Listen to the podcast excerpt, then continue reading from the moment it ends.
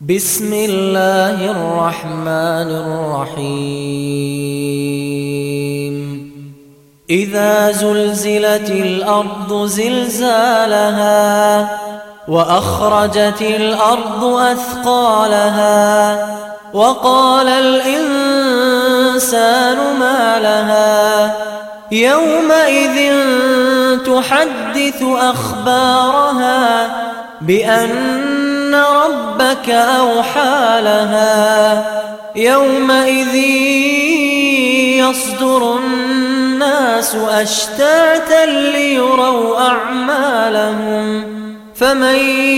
يعمل مثقال ذرة خيرا يره ومن يعمل مثقال ذرة